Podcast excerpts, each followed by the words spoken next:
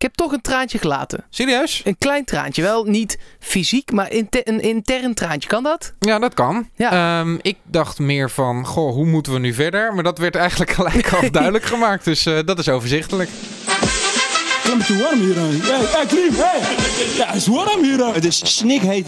Snikheet. Snik, hè. Ja, voor dit historische moment moesten we even niet bellen, maar bij elkaar komen. Is gelukt. Eh, want vandaag die persconferentie waar we het gisteren al een beetje over hadden. eh, de aankondiging dat Philip Cocu inderdaad naar Venerbatje gaat. En dat gelijk de opvolger al binnen is gehaald, eh, Mark van Bommel. Ja, nou ja, dat is wel ook een mooie gelegenheid om deze hele podcast, nou ja, toch als eerbetoon Zeker. op te dragen aan Philip Cocu. Het wordt eigenlijk een soort afscheid in besloten kring. Hij hield niet van bloemen, of wel? Hij was er ook helemaal niet bij nee. bij de persconferentie. Nee. Eh, is hij dan al in Turkije? Of, of is hij nog vakantie aan het vieren? Dat kan ik me ook voorstellen. Ja, tijdens de onderhandelingen was hij op vakantie. Ja. Eh, nu die gepresenteerd is in Turkije, neem ik aan dat hij die kant op gaat. Maar eh, ja, hij moet toch ook nog een keer met een lege doos zijn kantoor komen sweepen. Precies. Dus we gaan binnenkort gaan we die beelden krijgen dat hij daar met heel veel bombardie wordt binnengehaald op een vliegveld met alle Turkse media eromheen. Dat wordt natuurlijk gekke huis. Sjaaltje om zijn nek, want ja, zo werkt dat daar. En laten we wel wezen, het is natuurlijk echt geen kleine club waar hij voor heeft getekend. Venerbahce, we kunnen er een beetje lullig over doen. Het is een heksenketel en je weet niet waar je als trainer terechtkomt. Maar het is wel echt een stap voorwaarts ten opzichte van PSV. Op een aantal gebieden wel. Wat ik vooral mooi vind voor het merk en de naam Philip Cocu is... Er is een nieuwe voorzitter gekomen bij, eh, bij die club in Turkije. En ehm, nou, wat ik mooi aan vind, dat is een guy met heel veel geld. We hebben het er al eerder wel over gehad. Eh, die wil daar echt een soort revolutie starten. Ja. Eh, Wenger werd daar genoemd. Mourinho werd daar genoemd.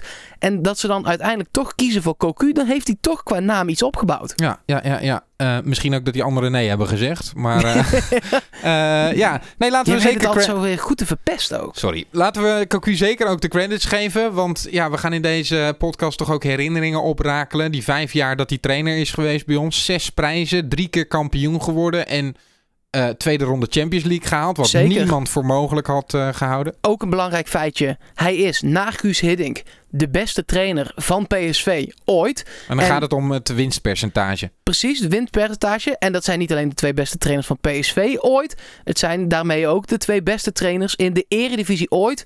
Met meer dan 100 wedstrijden achter hun naam. Knap eigenlijk, hè? Dat zo'n jonge beginnende trainer eh, dat al weet eh, te presteren. Is, is Guus Hiddink dan over beide periodes eh, gemeten? Ja, Of- alle wedstrijden zijn erin meegerekend. Ja. Dus dat waren wel elke 170 wedstrijden tegen 120 of zo. Ja, Ja. dat moet, zou ik het moeten opzoeken. Maar het scheelde echt nog wel, wel flink wat.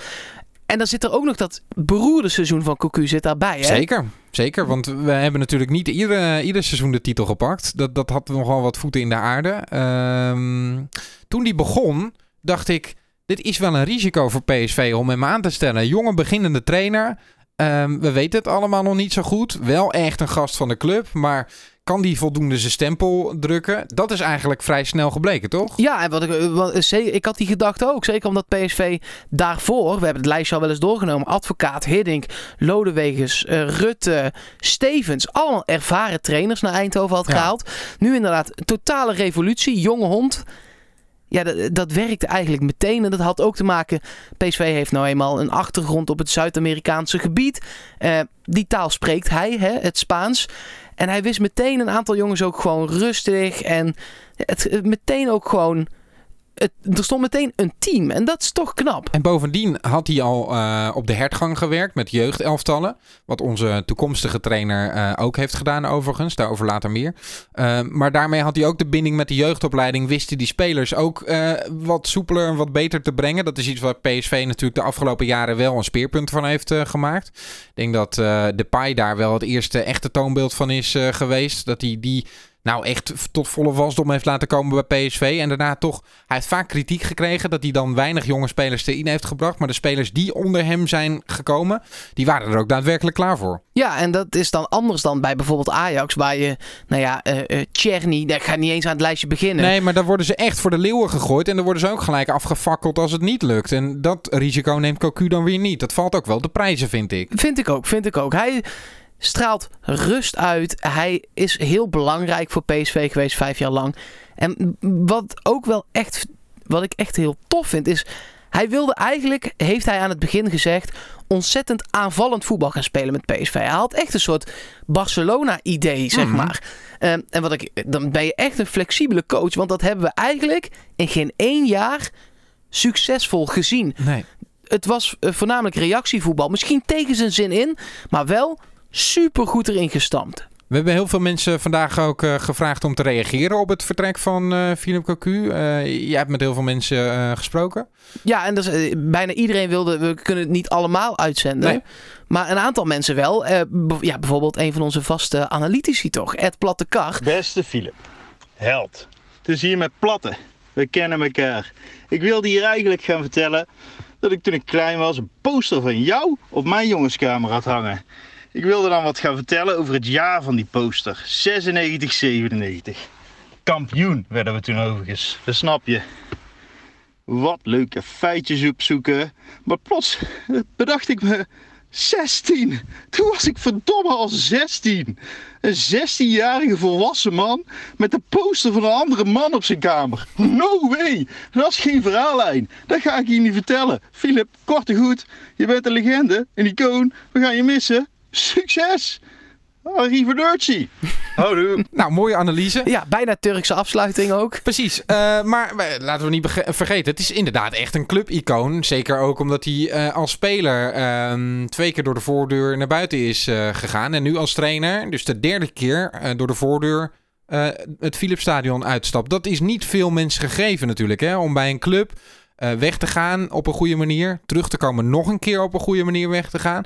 Weer terug te komen in de technische staf. En dan nog een keer het kunstje te flikken. Dat Knap. kunnen er echt maar heel weinig. En altijd zijn woord gehouden. Hij zei als speler, ik kom terug.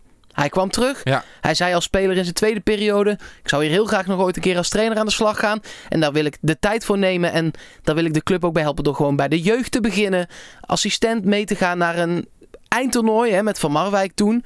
Ehm, en daar gewoon zijn woord houden en echt telkens terug te komen. Ja, ik vind het toch wel heel erg knap. En dat realisme, daar hadden we het net over. Hè? Hij heeft toch niet altijd de mogelijkheden gehad die hij wilde. Dat hebben we ook het laatste jaar met name gezien. Die hij heeft eh, linksbackpositie. 2,5 jaar zonder linksback gespeeld. Ja, precies. Heeft hij toch op een creatieve manier altijd wel weer eh, een oplossing voor eh, bedacht. Zoals dat eigenlijk geldt voor het hele elftal. Eh, PSV had niet altijd de sterspelers eh, tot beschikking. Vaak drie, hooguit vier. het eh, was wel het beste team. Dat wel. En dat is de verdienste van een coach. Als je dat weet te smeden, dat is toch wel een kwaliteit. En de- daar moeten we Cocu denk ik echt voor bedanken. We hebben, je zei het al, nog meer mensen gesproken. Ook eh, nou, degene die redelijk direct bij het kampioensfeestje van PSV betrokken Hij was. stond op het podium. Hij stond daar te draaien op het podium. Jordi Graat. Beste Philip Cocu, ik zag je in eh, april, half april, nog met een brede glimlach op het Stadhuisplein. Je was heel zuinig op de schaal. PSV was kampioen geworden, Eindhoven stond op zijn kop. En ik dacht, nou, dit kan toch wel eens eentje worden die heel lang bij PSV gaat blijven. Misschien wel met de wisselende staf, maar eentje die wel gewoon alle rust in zich heeft. Prettig woont in, eh, in Brabant, in Eindhoven. En eentje die eh, klaar is om eh, een lang trainerschap van PSV aan te gaan. Maar ja, het bloed kruipt waar het niet gaan kan. Dat blijkt maar weer. En eh, ondanks dat ik het een bijzondere beslissing vind, denk ik wel dat jij daar eh, op een hele mooie manier Venebatje weer naar een eh, hoger niveau kan tillen. Ehm, ik hoop dat je daar succes gaat hebben. Dat je daar je plekje kan vinden. En dat je ja, eigenlijk de Turken net zo trots kan maken als de Eindhovenaren. Ehm, want ja, we kunnen veel van je zeggen. Er is ook altijd heel veel over gezegd. Maar eh, de cijfers liegen niet. Ehm, zes prijzen in vijf jaar. Kampioenschappen, eh, Europees links-rechts wat succes geboekt. Ik denk dat we in Eindhoven heel tevreden mogen zijn met zo iemand zoals jij, een clubman. En ehm, ja, eh, die PSV'ers die echt het rood-witte bloed door het hart hebben stromen, die zijn er niet meer zoveel. Maar jij hebt dat altijd gedaan, dus fantastisch. Ik wens je alle goeds en ehm, ja, wie weet keer je ooit nog eens terug. Zou leuk zijn. Dankjewel. Groetjes van Jordi Graat. Mooi ook wel dat hier een soort verbazing uitspreekt dat Jordi, en ik denk heel veel mensen, onder wie ikzelf, toch wel hadden verwacht dat hij wel zou blijven. En, en dat hij wel goed zat bij PSV. Maar kennelijk is het dan op een gegeven moment inderdaad toch tijd om te gaan. Wie zou dat dan hebben beslist voor hemzelf? Zou hij dat zelf hebben beslist, zeg maar. Zou hij daarover ook hebben gesproken? Hè? Bijvoorbeeld met een Chris van der Weerde, die ook met hem meegaat naar Ja. Turkije. Ja. Hoe, zou- hoe zou zo'n proces gaan? Nou ja, ik denk ook dat hij heeft gekeken naar de resultaten van de afgelopen jaren. En ehm, dat hij, zoals we net al zeiden, met soms wat minder materiaal, zeker ten opzichte van de concurrentie, toch wel heel veel resultaat eruit heeft gehaald. En je kan je ook voorstellen dat dat een keer ophoudt. Dat je maar denkt, denk je echt dat hij heeft gedacht... Beter dan dit kan ik het bij deze club gewoon niet doen. Ik had best wel matig spelersmateriaal. Ik denk wel dat dat een afweging kan zijn. Misschien is het niet de hoofdreden hoor. Misschien dat hij ook wel zoiets had van... Nou goed, ik heb hier nu wel een aantal jaar gezeten. Wat kan ik nog verder in mijn carrière bereiken? Waarin ligt nog een uitdaging? En dan denk ik dat je in Turkije wel een uitdaging hebt. Want zo kunnen we het toch absoluut wel noemen. Zeker weten, zeker weten. Ehm, zullen we nog maar eens na- naar iemand luisteren Ja. die eh, ook iets over hem eh, te, te Ja, zeggen heeft? Dit toont aan dat eh Philip Cocu toch wel in heel Nederland populair is of is geworden. Ehm Face DJ Maarten, natuurlijk ook vriend van de, de PSV-podcast. Hij reageert als volgt op het nieuws. Hey ho, goeiedag. Hier even een berichtje van Face DJ Maarten. Ja, je hoort het misschien al aan me praten. Ik heb geen zachte G. Ik kom niet uit Brabant. En toch ja, ben ik stiekem een beetje fan van PSV. Nou, vandaag inderdaad gehoord dat Cocu ermee stopt. Ehm, nou ja, eh, ook vanuit Noord-Holland. eh Cocu, heel veel succes. En ehm, ja, zonder jou eh, had PSV natuurlijk geen kampioen geworden. Natuurlijk ook omdat de spelers heel goed zijn. Maar ook dankzij jou, Cocu. Mooi. Ja, toch? Ja, zeker. Nee, ja, in heel Nederland zitten PSV-fans. Dat is er ook het mooie aan, zeg maar. eh, Ja. Wat vind jij de knapste prestatie van, eh van Philip Cocu in die afgelopen vijf jaar? tweede ronde Champions League. Ja, hè? En ja, als ik één moment zou moeten kiezen, laten we dat allebei ook maar doen. Een Cocu-moment. ehm, dan is dat voor mij de uitwedstrijd bij Atletico Madrid. Ja. PSV haalde de verlenging. PSV haalde de penalty shootout. Ehm ja, daar gingen we eruit. Ik wilde er nog mooie woorden voor zoeken, maar we vlogen eruit. Ja. En dat was echt op het nippertje bij... Ja, welke penalty nam Narsing? Dat was echt al penalty 8 Zeven of of acht, 9. zoiets, ja. ja. Ehm, en de manier waarop Cocu na die wedstrijd eh ver, verwoordde wat er was gebeurd, hoe rustig hij bleef. Ehm, ja, dat, dat gaf voor mij aan hoe, hoe een goede trainer hij was naar buiten toe. Ongetwijfeld dat hij in de kleedkamer ooit scheldend en tierend en met dingen We gooiend... hebben hem op een gegeven moment ook op het trainingsveld gezien, hè? Met, eh, ehm, hoe heet die uh, elke weer? Schaars ja, erbij. ja, ja. Dat het echt eh, wel, eh, wel klaar was en, en dat hij vond dat ze harder moesten werken. Dus hij kon dat in, zoals Geerbrands altijd zegt, de binnenwereld. Dus binnen de muren van het stadion, binnen de muren van de hertgang, binnen de selectie. Kon hij dat altijd wel uit. En naar buiten was het altijd een beetje, ja, je zou bijna kunnen zeggen, saaie man. Ja, en, en dat werkt blijkbaar. Daarvoor heeft hij wel het vertrouwen van de spelers ook gekregen. Van oké, als we hier iets zeggen, komt het niet naar buiten. Ehm, en op dat punt in Madrid eh, was voor mij, voor hem, eh, wat hem betreft, het hoogtepunt van de rust die hij daar bewaarde. Hoe hij omging met Narsing, die die penalty had gemist. Ja, dat was echt heel goed. Wat ik, want dit is ook mijn eh, hoogtepunt van Cocu hoor. Maar ja, dat, ik denk dat dat voor veel mensen zo is. Wat ik daarover eh, nog wil zeggen is dat je in die wedstrijden ook eh, kon zien dat Cocu heel erg ehm, zijn eigen realisme en zijn eigen speelstijl heeft ontwikkeld. En in die wedstrijden bijvoorbeeld ook al met vijf verdedigers durfde te Heel spelen flexibel. extra verdediger erbij als je weet van oké, zij gaan eh, in de omschakeling voetballen. Dan kunnen we beter over de vleugels bijvoorbeeld gaan spelen. Heb ik ook een keer gezien in een wedstrijd tegen FC Utrecht, waarin er echt een tactisch plan moest komen. Anders zou PSV eh, toch heel erg moeilijk gaan krijgen tegen de. Seizoensopening was dat. Exact. Ehm, Van eh, niet dit seizoen, maar vorig seizoen. ja, nou vaak eh, weet Cocu dan toch nog wel een, een tactische oplossing te vinden. Eh, ook daar is veel kritiek op gekomen, want PSV dat is toch een topclub en dat moet dan eh, uitgaan van de eigen kracht. Maar ik vind het juist wel mooi in een tijd waarin het Nederlandse voetbal onder druk staat, dat er veel kritiek is op de speelwijze. 4-3-3 is niet meer heilig. Dat Cocu daar voor mij de belichaming van is. Hij durft wel gewoon zijn eigen plan te trekken en dat is gewoon succesvol geweest. Ik ben een echte Nederlander. Ik blijf 4-3-3 altijd het mooist vinden. Maar ik ben ook fan van PSV. Als dat niet gaat, gaan we 5-1-1-1-1 spelen. Don't care. Als we maar winnen. Nou, maar laten we ook wel wezen. Hij heeft ook wel. eh, eh, 4-3-3 was ook, Ook. zijn basis eh, blauwdruk van het elftal. En daar heeft hij ook alles naar gebouwd. Maar als de wedstrijd erom vroeg, of de tegenstander, ja, dan nam hij wel maatregelen. En ik vind dat absoluut te prijzen. Nog eentje. Ja, ik wil, zullen we nog eentje doen? Ja, eh, collega eh, Thijs van Litsenburg, die samen met ons ook commentaar doet van eh, de wedstrijden van PSV op Studio 040. Die zit heel ver weg, maar ook daar heeft het nieuws hem eh, kunnen bereiken. een bericht vanuit het prachtige Bali in Indonesië over waarom eh Cocu een goede trainer was, is in mijn ogen en waarom het ook jammer is dat hij weggaat. Ehm, ik vond Cocu en ik heb hem zien groeien, vooral eh, de laatste jaren, waarin hij PSV een aantal keer kampioen heeft gemaakt. Eh, vooral in de tactiek.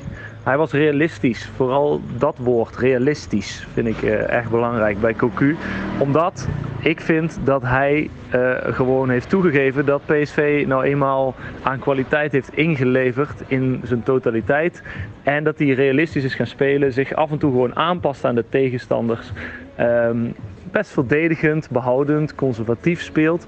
Maar daardoor wel PSV gewoon eh, eh, een paar keer kampioen heeft gemaakt met een... eh, ja, met slimmigheidjes. Ik vind het een slimme tactische trainer, altijd rustig. En ehm, ja, het is jammer dat hij weggaat. Maar goed, ik ben ook heel benieuwd wat Van Bommel nu gaat doen. Want eh, ik heb altijd gezegd, als Van Bommel trainer van PSV wordt, dan krijgen we gloriejaren. Zoals we die in de tijd van Guus Hiddink hadden. Nou, dat belooft nog wat. Dat is een eh, aardige voorspelling die Thijs daar ja, doet. precies. Ehm, want eh, laten we het daar maar over hebben. Eh, de opvolger, Mark van Bommel. Ik vond het opvallend dat dat gelijk vandaag bekendgemaakt werd. Want hij is nog gewoon aan het werk in Rusland bij eh, Australië. Waar hij assistent-trainer is van Bert van Marwijk. Ja. En gelijk spijkers met koppen bij PSV. Ja, nee, ja, zeker. In ieder geval van Bommel, samen met Jurgen Dirks aangesteld. Ehm, ze zoeken nog een plek voor Van Marwijk. Eh, eh, ja, ik zeg het goed. Ja. Ik, ik haal hem en, Bert Maalderink altijd door elkaar. Oh ja, ja, Ja. Ze, ze praten ook bijna altijd in hetzelfde filmpje. In hetzelfde filmpje, ja precies. Maar nee, ik bedoel uiteraard Van Marwijk. Ehm daar zoeken ze nog een plek voor. Da- daar vind je dan een plek voor, neem ik aan. Ik, Eh, misschien dat het ook wel eh, ermee te maken heeft dat ze hem dan geen officiële rol willen geven. Want of dat, hij dat zelf niet wil, hè? dat zou ook kunnen. Een soort ceremoniële eh, rol voor eh, Bert van Marwijk. Zoals Guus Hiddink die ook eerder heeft gehad toen Cocu werd aangesteld. Werd hij er later bij gehaald. Hè, omdat het niet helemaal lekker liep aan het begin. Wat ik ook trouwens ook een klasse vind van Cocu. Dat hij dat dan ook durft te doen. Da- Daar niet te groot voor zijn. Precies. Van, Bron van Bronckhorst heeft ook zo'n soortgelijke constructie gehad met Dikke Advocaat bij Feyenoord. En dan zou Van Marwijk de mentor eh, moeten worden van, eh, van Bommel als die eenmaal eh, aan de slag is bij PSV. Ben benieuwd wat daar. laten we daar, want dit is toch een beetje de afscheids. uitzending voor Cocu. Laten we daar maandag eens uitgebreid op ingaan. Ja, Hoe moet Mark van Bommel, samen met Jurgen Dirks en dan waarschijnlijk dus Van Marwijk, dit PSV naar de hand gaan zetten? Ja, en met welke spelers? Daar gaan we het dan in de volgende aflevering over hebben. Heb jij nog iets toe te voegen aan ehm Cocu? Wil je me nog iets meegeven? Graag tot ziens. Absoluut. In plaats van vaarwel. Dat hoop ik ook. Ik hoop dat eh Cocu nog een keer eh, terugkomt. En Filip, laat je alsjeblieft, en dat is heel moeilijk daar in Turkije, maar laat je niet gek maken. Dat heb je bij PSV uiteindelijk ook nooit gedaan. En dat is uiteindelijk je kracht gebleken bij PSV. Wars eh, van eh, ehm, ja, nadenken over wat anderen eh, over je te melden hadden. Ook al was er veel kritiek. Ehm, gewoon van je eigen kracht uitgaan. Ook al is die kracht misschien soms niet aanwezig, dan toch de juiste krachten wel weten te vinden. Ja, en vooral omdat die Fenerbahce supporters na één gelijkspel al meteen van de daken schreeuwen. Hou het alsjeblieft rustig. Ehm, misschien dat een heksenketel wat dat betreft wel heel erg goed past bij deze trainer. Blijf met je poten van Lozano af trouwens ook.